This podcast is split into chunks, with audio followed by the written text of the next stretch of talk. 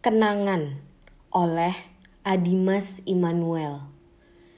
Jika benar waktu berjalan maju dan semua bisa diputar kembali, semestinya kita tenang berdoa, menggenggam erat saling percaya, tak takut para serdadu menemukan kita. Namun, jika benar waktu berjalan maju, dan semua bisa diputar kembali, mengapa para serdadu menemukan kita lebih dahulu, padahal kita tengah berdoa dan menggenggam semua percaya?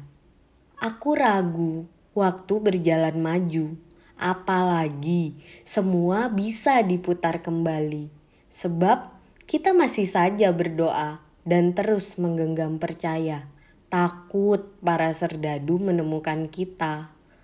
Aku mulai percaya waktu tidak pernah berjalan maju, sebab kita sudah berdoa, sudah menggenggam percaya, tapi kehilangan menyergap kita tanpa memberi aba-aba, seperti saat para serdadu tiba.